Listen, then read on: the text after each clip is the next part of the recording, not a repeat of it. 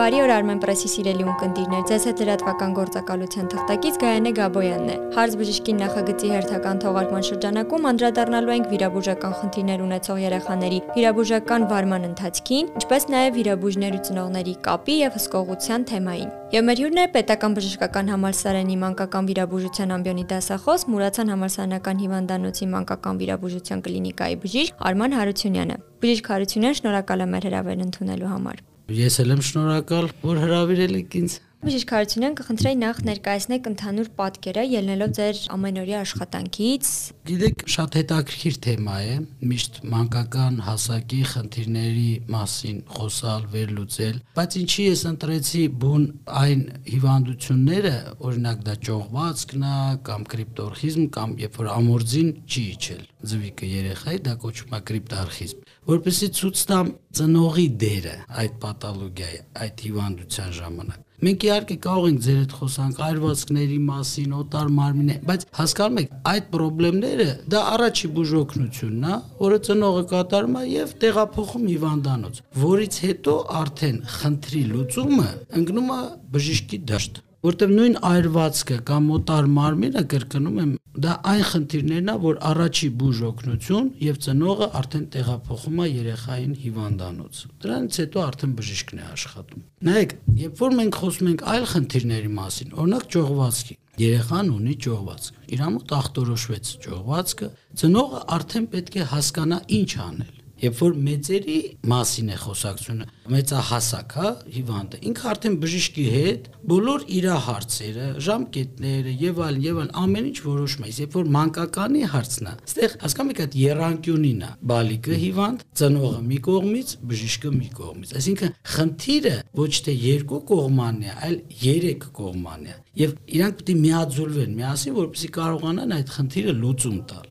Երբ որ մենք ունենք ճողվածք, ինչ անել։ Առաջարկը մեր միշտ բժիշկներին է, որ ծնողը միշտ պետքա կապի մեջ լինի բժիշկների կամ ընտանեկան բժիշկի կամ մանկաբույժի կամ տվյալ դեպքում, երբ որ ճողվածքի մասին է խոսքը, արդեն վիրաբույժի հետ մեր երկիրը ինչով է տարբերում շատ երկրներից։ Հավատացեք, մենք բժշկական այցելության հարցում, շագերտներում այսպես ասած այցելության հարցում, մենք առաջի տեղն ենք։ Որտեվ նայեք, նույն Եվրոպայում, Ամերիկայում բժշկի մոտ գնալը դա լուրջ խնդիր է, բավականին լուրջ խնդիր է։ Հայաստանում դա այդ խնդիրը չկա ցանկացած ծնող ցանկացած ժամին 24 ժամ կարող է դիմի ցանկացած մանկական հիմնար եւ ստանա խորհրդատվություն եւ բուժ օգնություն Բայց շատ հաճախ մեր ծնողները ոնց որ այս հարցում ուզում են հասկանալ ինչ անել եւ դիմում են բարեկամներին, հարևաններին, հասկանում եք, դա պետքա կամած կամած ժողովրդի մեջից դուրս գա, բժիշկը պետքա լինի ոնց որ քո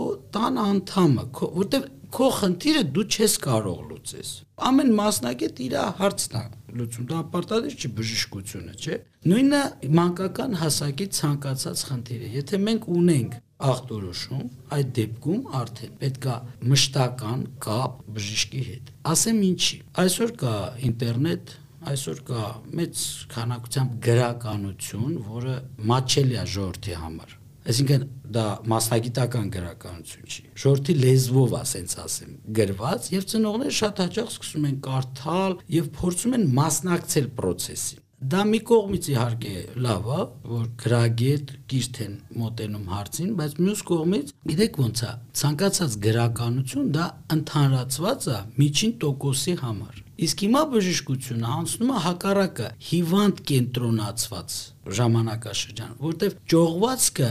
երկու երեխաների մոտ նույնիսկ մի ընտանիքում տարբեր ձևով է ընթանում Սա է պատճառը, որ ծնողը իր խնդրի հետ միշտ պետքա լինի իր բժշկի հետ։ Սենց է, այսօր ամբողջ աշխարհում, եթե ախտորոշվեց երեխայի մոտ ճողոց, կապ չունի դա, մի ամսեկան, մի տարեկան, 10 տարեկան կապ չունի։ Դա ցուցում է վիրահատության։ Բայց մի դեպքում մենք անում ենք 3 ամսեկան երեխային վիրահատություն, մյուս դեպքում ոչ, հետաձգում ենք որտեվ երեխան կարողա ծնվել է անհասիկ կամ ունեցել է այլ սիրտանոթային շնչառական խնդիրներ եւ դա է կարևոր մոտեցումը որ մենք կենտրոնանում ենք ամեն մի դեպքում կոնկրետ ամեն հիվանդի համար դրա համար եմ ես ասում որ շատ լավ է որ ծնողը մասնակցում է process-ին բայց մենակ չպետք։ Այդ երանկյունին միշտ պետքա պահպանել, հասկանում եք։ Չի կարելի իմ երեխայի մոտ ճողված կա եւ զբաղվել այդ հարցով մենակով։ Իհարկե ծնողը պետք է զբաղվի, բայց բժիշկի հետ միասին։ Շատ լավ, պարոն Հարությունյան, չնայած դուք նշեցիք հիվանդությունների մի քանի տեսակ, բայց այ կուզամ նշեք ձեր պրակտիկայից ելնելով, վիրաբուժական ինչ խնդիրներով են հաճախ դիմում ծնողները։ Խնդիրները տարբեր են։ Խնդիրներ կարող են լինել թե բնածին արատներ, դա իհարկե վերաբերում է նորածնային հասակին ավելի շատ, նույն այդ ճողվածքները, ամորձայեչքի կրիպտորխիզմ, то есть իջեցման խանգարումները նույնպես իրանք բնածին հիմք ունեն, բայց կան շատ նաև բորբոքային Այսինքն, երբ որ մենք խոսում ենք, նո, կոպիտ ասած, թարախակալման վերքերի, ներաճած եղունգների եւ բորբոքումով թարախակալումով խնդիրով կան դեպքեր կապված, նո, օտար մարմինները, ինչպես նշեցի, երբ որ երեխաները, նո, 3 տարեկան մինչև հասակ մեծամասամբ, երբ որ փոքրիկ մետաղական կամ պլաստմասե խաղալիքի կտոր կամ ասենք նույն մարտկոցներ են փոքրիկ ժամացույցի կամ բան կուլ են տալիս Խնդիրները տարբեր են հավատացեք։ Նաև սեզոնային են։ Օրինակ հիմա այս սեզոնին մեր մոտ շատ հաճախ տիզը։ Հավատացեք շատ-շատ է հիմա, երբ որ գալիս են ծնողները երեխայի մոտ, թե իրանք են հայտնաբերում տիզ։ Շատ հաճախ իրանք այդ փորձում են տիզը հանել, հեռացնել։ Հավատացեք 90% դեպքերում իրանք տիզը փոկում են, գլուխը մնում է մաշկի մեջ Եվ արդեն մենք անզգայացումով շատ դժվարությամբ, որտեվ դիզի քիթիկը ինքը, նո, այսպես մազմզուկներից է, որ այդ ցախ պետք է մաքրես, չհաշված կարող է նաև ինֆեկցիոն հիվանդություն, դրա համար եմ ասում, ես խնդրում եմ, որ ծնողը չզլանա։ Միշտ հավատացեք, մենք պատրաստ ենք Դա մեր աշխատանքն է։ 24 ժամ բժիշկները կան հիվանդանոցներում, պետք չի ինքնուրույն փորձել զբաղվել խնդիրով։ Մի մոռացեք, որ լինելով ծնող, միևնույնն է դուք չեք զգում այն, ինչ որ զգում է երեխան։ Դուք փորձում եք օգնել, բայց մեկա չեք զգում։ Շարունակելով ձեր միտքը, կուզեմ այ անդրադառնանք հենց սխալներին, ծնողների կողմից թույլ տվող հաճախ հանդիպող սխալները որոնք են եւ ձեր խորհուրդը։ Գիտեք ոնց է սխալ մի քիչ լայն հասկացողություն է, հա։ Սխալը կարող կարող է գա գիտելիքների բացակայությունից կամ հակառակ, էդ էլ կա։ Որտեղ ես ձեզ ասեմ, հա, ինչքան մարդ քիչ գիտի, այդքան նա դիմում է օգնության։ Ինչքան մարդ գիտելիքը շատ է, այդ ժամանակ իրան թվում է թե ինքը կարող է խնդիրը լուծել։ Սխալները ինչից են գալիս։ Եթե մենք խոսանք բորբոքային process-ների մասին, հա, նո մի քիչ եղունգը լավ չկտրեցին երեխայի կամ գիտեք, երեխաները սիրում են կրծել, չէ՞, մատի եզրերը, եղունգների մասերը։ Ծնողը սկսում է շատ հաճախ ինքնաբուժությամբ զբաղվել կամ լսելով ստեղ ընդեղ կամ կարդալով, բայց չի հասկանում ինչի այդ գործ ունի։ Երբ որ արդեն խնդրեմը սկսում է ավելի զարգանալ, նույնիսկ այդ ժամանակ գիտեք դեպքեր կա, որ չեն դիմում։ Մենք շատ հաճախ ունենում ենք ինչ լսել եք, որ մատը եզրը սկսում է թարախակալվել, որ մենք ունեցել ենք դեպքեր, որ մատնաշունչը բորբոքում է, հասելա ոսկրի քայքայման նույնիսկ։ Պատկերացնու եք մատի ոսկրի քայքայում։ Դուք օստեոմիելիտ է զարգացել։ Այդա գալիս է այդ, երբ որ ծնողը փորձում է ինքնուրույն լուծել հարցերը։ Հետաքրքիրն էլ ինչա, որ բոլորը սաղ այդ պրոցեդուրաները բժշկական միջավայրում պետք պատվեր են, այսինքն այդ խնդիրն էլ չկա, որ ասես վճարման խնդիր ունի ծնողը կամ ինչ, ոչ, խնդիրը միայն բերելն է։ Եվ շատ հաճախ երբ որ հարցում ես ինչի է այս վիճակը հասցրել, որ եղունգ արդեն ինքնուրույն, պատկերացնում եք շերտ ազատվել եւ դուրս է եկել թարախից, ասում, ճիշտ ասած զբաղված էինք, կամ տանը մի հատ էլ երեխա ունենք, հասկանում եք, պատասխանը բաները տարբեր են լինում։ Սխալը միշտ գալիս է դրանից, որ թերագնահատվում է վիճակը եւ թերագնահատվում է քո ուժերը։ Քեզ թվում է թե դու կարող ես խնդիրը լուծել, բայց շատ հաճախ մենք տեսնում ենք Այսինքն հիմնական խնդիրը դիմելիության հետ է կապված, ուշ դիմելու կամ չդիմելու հետ։ Այո, Շատ լավ։ Եւ մի հատ էլ անդրադառնանք ձեր մասնագիտական ճողվածքներին եւ Այո, այդտեսիկ ես ինչ եմ ուզում ճողվածքների մասին խոսամ, որտեվ ճողվածքները դա ախտորոշում է։ Ծնողը արդեն գիտի, որ իր բալիկի մոտ կա աճուկային ճողվածք։ Իսկ ներեք ծնողը ինչպես հասկանա, որ իր երեխայի մոտ ինչ Նայեք, առաջինը միշտ երեխաները պոլիկլինիկայի հսկողության տակ են։ Ծնողը պետք է հասկանա, որ այնտեղ նստած է մասնագետ եւ շատ հաճախ հենց պոլիկլինիկայում ախտորոշվում է։ Երկրորդը, քանի որ ճողվածքը արտափքում է, հասկանում եք, ոչ նորմալ արտափքում։ Ծնողը լողացնելուց բան միշտ զգում է։ Դա դժվար է չտեսնել ճողվածքը։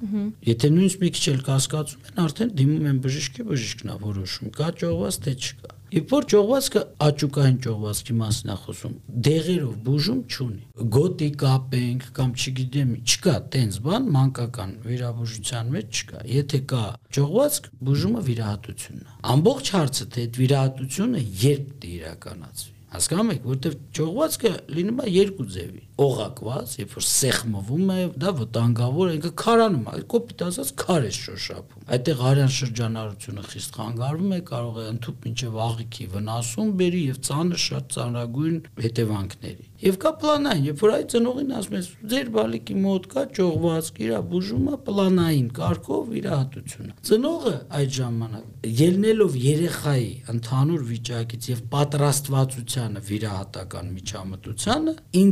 ինդիվիդուալ որոշվում է երբ կատարվի վիրահատությունը։ Սա է ճողվածքի վարման կարգը Իսկ ամորձա էջքի խնդիրը, երբ որ տղաները ծնվում են, ներարգանդային կյանքում ամորձիները շատ կոպիտ եմ ասում, հա, որովայնի հետին պատից իջնում են փոշտ ծնվելուց հետո իրանք պետք է լինեն փոշտում։ Ասեմ ձեզ, ծնողներն էլ շատ հաճախ նկատում են, որ ասենք 1 կամ 2 ամորձիները բացակայում են։ Գալիս են վիրաբուժի մոտ, դա է ամենաճիշտը, որ վիրաբուժը բացատրի, ստուգվի, նույնիսկ սոնոգրաֆիա արվում եւ որոշվի, որ պետք է վիրահատել, թե ոչ եւ երբ։ Ցուցումը վիրահատել 8 ամսեկանից բայց այ ասում եմ ձեզ փորձից ելնելով նայած երեխա մենք շատ հաճախ հետաձգում ենք վիրահատություն մինչև 1 տարեկան 1 ու 2 այսինքն այո նա կարդում է ինտերնետում որ այ 8 ամսեկանից անում են բայց կան դեպքեր երբ որ դու անում ես եւ հետո խնդիրը նորից կրկնվում է դա արդեն փորձն է հասկանում եք բերում դրան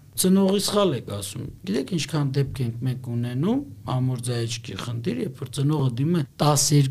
14 տարեկան դեպք Պատկերացնում եք, ծնողի սխալ։ Դե չենք մտածել։ Փոքր ժամանակ մեր երեխային նայել էին, ասել էին, որ ձվիկը չի իջել, հետո մտածեցին կիչնի։ Բայց դա ինչ ձևով երեխայի վրա կազդի, այսինքն ցավեր, անհարմարություն։ Կարող է ոչ մի նշան էլ չունենա ծնողի սխալը այդ է դե մտածեցինք դե մեզ ասեցին զարմանալի է էլի ինչի պիտի վերացական մեզ ասեցին մենք չի կարող հասկանում եք բժիշկը ասի կանցնի իսկ ուշացնելու դեպքում այ օրինակ ցուցված էր 3-4 տարեկանում բայց ուշացրել են մինչև 12-15 տարեկան ինչ բարդություններ կարող են առաջանալ վիրահատությունը եղել է էֆեկտիվ այսինքն ամորձին ժորտի լեզվով ասած փչացած չի եղել հա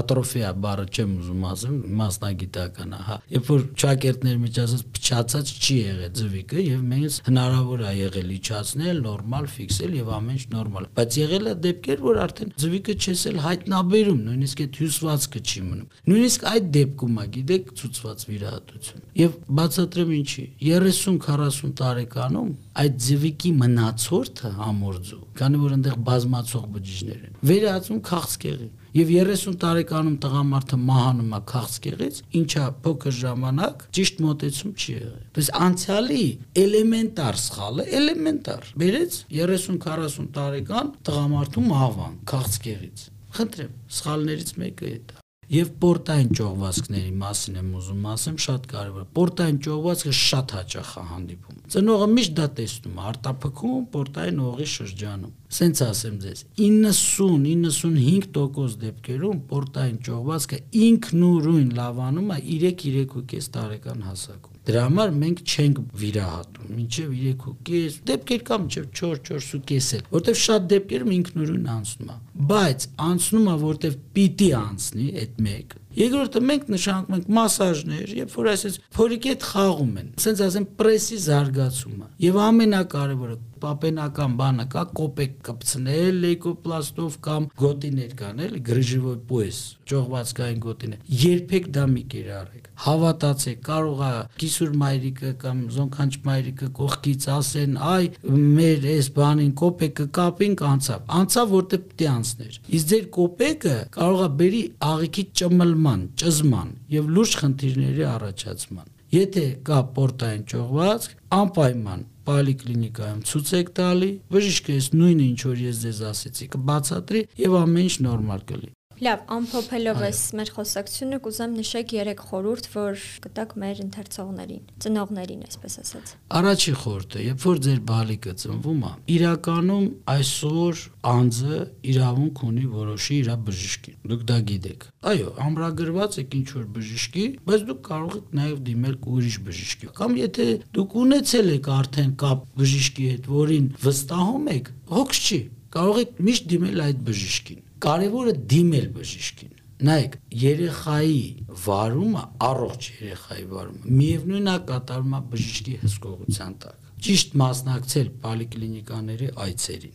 ուժեղացնել այդ ազդեցությունը պոլիկլինիկական ծառայության եւ խնդրի դեպքում արդեն եթե պոլիկլինիկայից դուրս է լուծումը, բնականաբար դիմել հիվանդանոց։ Երկրորդը, խորտ կտայ բժշկական ինֆորմացիա մի քիչ քիչ կարդալ Գիտեք ինչի, այսպես ասած կա սինդրոմ տրեթիվը կուրսը, երրորդ կուրսի ուսանողի սինդրոմ։ Երբ որ երրորդ կուրսում բժշկական նոր սկսում ես սովորել հիվանդություններ, միջև է սովորում ես անատոմիա, ֆիզիոլոգիա եւ այլն եւ այլն։ Հենց սկսում ես անցնել հիվանդություններ, սաղ քո վրա գտնում ես։ Այդտենց հետաքրքիր բան կա։ Այո, որտեվ բժշկական ինֆորմացիան, երբ որ կարդում ես, դու պետք է ճիշտ վերլուծես կարդացածը։ Հասկանում եք։ Դրա համար, երբ որ կարդում են ինֆորմացիա ու գալիս եք ինչ որ ոչինչ կարդացիք շատ լավ, բայց երբ որ գալիս եք ինչ որ եզրակացության, այդ եզրակացությունը միանգամից մի կիրառեք։ Դա էլ է կարևոր։ Երրորդ խորհուրդը, ասենց առողջ եղեք, հիվանդանոցներից հեռու եղեք ու լավ եղեք։